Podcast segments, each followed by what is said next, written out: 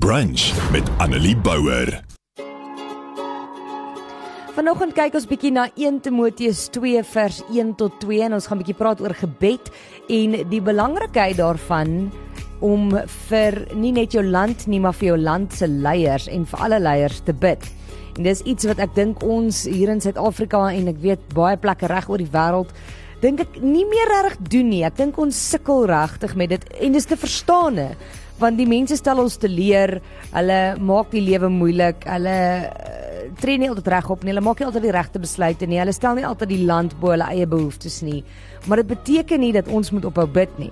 So 1 Timoteus 2 vers 1 tot 2 sê ek dring daarop aan dat daar in die eerste plek met smeking, voorbidding en danksegging gebid moet word vir alle mense, vir die wat regeer en vir almal wat gesag uitoefen sodat ons 'n rustige en stil lewe kan lei in volkomme toewyding aan God en in alle eerbaarheid. Hoor mooi wat sê hy. Dat daar gebid moet word vir alle mense. Nie net gelowiges nie, nie net die naaste aan jou nie, né? En dan sê hy spesifiek lig hy die twee uit. Hy sê vir die wat regeer en vir almal wat gesag uitoefen. Dink 'n bietjie hoe baie praat ons daagliks, nie eers weekliks nie, daagliks oor wat in die land aangaan. Dink 'n bietjie hoe baie is ons in gesprekke en sê ons ons leiers sleg en praat ons oor korrupsie en praat ons oor die regering en praat ons oor al hierdie dinge.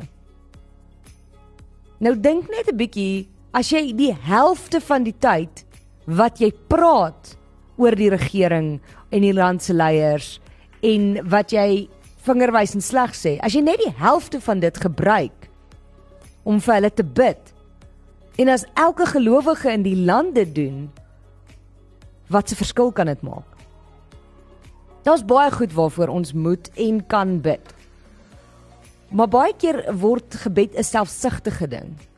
Gebed word 'n ding waar ons in verhouding met God staan en net bid vir myself en my familie en my gesin en my vriende en my werk. Waar gebed moet gaan oor alles. Gebed is danksegging. Gebed is om dankie te sê vir dit wat ons het in ons lewens, vir wonderwerke wat ons sien gebeur. Gebed is om dankie te sê dat jy in 'n verhouding met die almagtige God kan staan. So gebed is eerstens danksegging. Beteken dit jy kan nie na God toe gaan en smeek om hulp met daaglikse probleme nie? Glad nie. Natuurlik kan jy. God wil hê jy moet met alles na hom toe kom. Maar ons vergeet soms dat ons regtig alles in gebed na die Here toe kan bring. Hoe gereeld bid jy vir ons land? Hoe gereeld bid jy vir die regering? Vir die burgemeesters? Vir die ministers? En net die idee daaraan is ook in my kop voel al klaar vir my, ag, rarig. Maar dit is iets wat ons veronderstel is om te doen. Ons is veronderstel om alles in gebed na God toe te vat. Ek sê nie bid dat die Here hulle uit die poste uit moet haal nie. Bid vir hulle. Bid dat die Here hulle sal leiding gee. Bid dat hy in hulle lewens sal intree en sal werk. Bid dat hy hulle sal wysheid gee. Bid dat hy hulle sal help om die regte keuses te maak. Bid dat hy hulle sal help om ons land te verbeter. Want sien, dis maklik om te praat oor hoe sleg dit gaan in die land. En dit gaan sleg en ons praat baie daaroor en ons moet daaroor praat. Want dit is iets wat ons almal raak. Maar ons praat baie keer net daaroor. En ons voel so of ons kan niks hier omtrent doen nie. Ons kan gaan stem en dis dit. Dis nie dit nie. Jy kan bid. Jy kan intree vir Suid-Afrika by God. Jy kan bid vir die land. Jy kan bid vir die land se mense. Vir die probleme in ons land. Jy kan bid vir die wat regeer.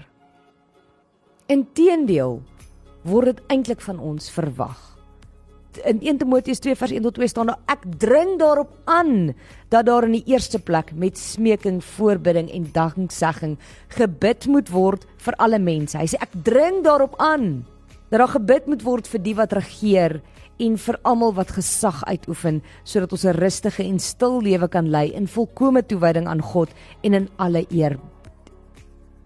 Kan jy dink as ons die hoeveelheid tyd gebruik? Nee, nie eers dit nie. As ons die helfte soos ek net nou gesê het van die tyd wat ons kla oor die land wat ons ons regering sleg sê en ons leiers sleg sê en en praat oor alles wat verkeerd is. As ons net die helfte van daai tyd in gebed en smeking by God sit. Nie net hoeveel rustigheid en hoeveel wysheid en hoeveel kalmte en hoop dit vir jouself gaan bring nie, maar wat 'n verskil dit in ons land gaan maak as elke gelowige begin bid vir ons regering. Begin bid vir ons president, vir ons ministers, vir ons burgemeesters, vir ons ALR. Kan jy dink wat 'n verskil dit in hierdie land kan maak? So ek wil jou vra. So moeilik soos dit is. Want sien die Bybel sê ook jy moet lief wees vir jou vyande, né? maar so moeilik soos wat dit is begin oor grense heen hande vat. Kultuur, taal, ras, daai goed maak nie saak nie, ons is almal in hierdie selfde bootjie. Vat hande met ander gelowiges van ander kerke, van ander tale, van ander rasse, van ander kulture. Julle deel dieselfde geloof. Vat hande en begin om saam te bid vir Suid-Afrika in alle nederigheid te bid vir Suid-Afrika. En nie wat jy wil hê vir Suid-Afrika nie, maar wat God wil hê. Bid vir ons leiers, vra die Here om hulle te lei. Vra die Here om in te gryp. Vra die Here om ons in hierdie land te beskerm. Om ons te leiers te help om vir 'n slag hulle mense bo hulle self te kies. So dit is my challenge vir jou. Op Groot FM 90.5.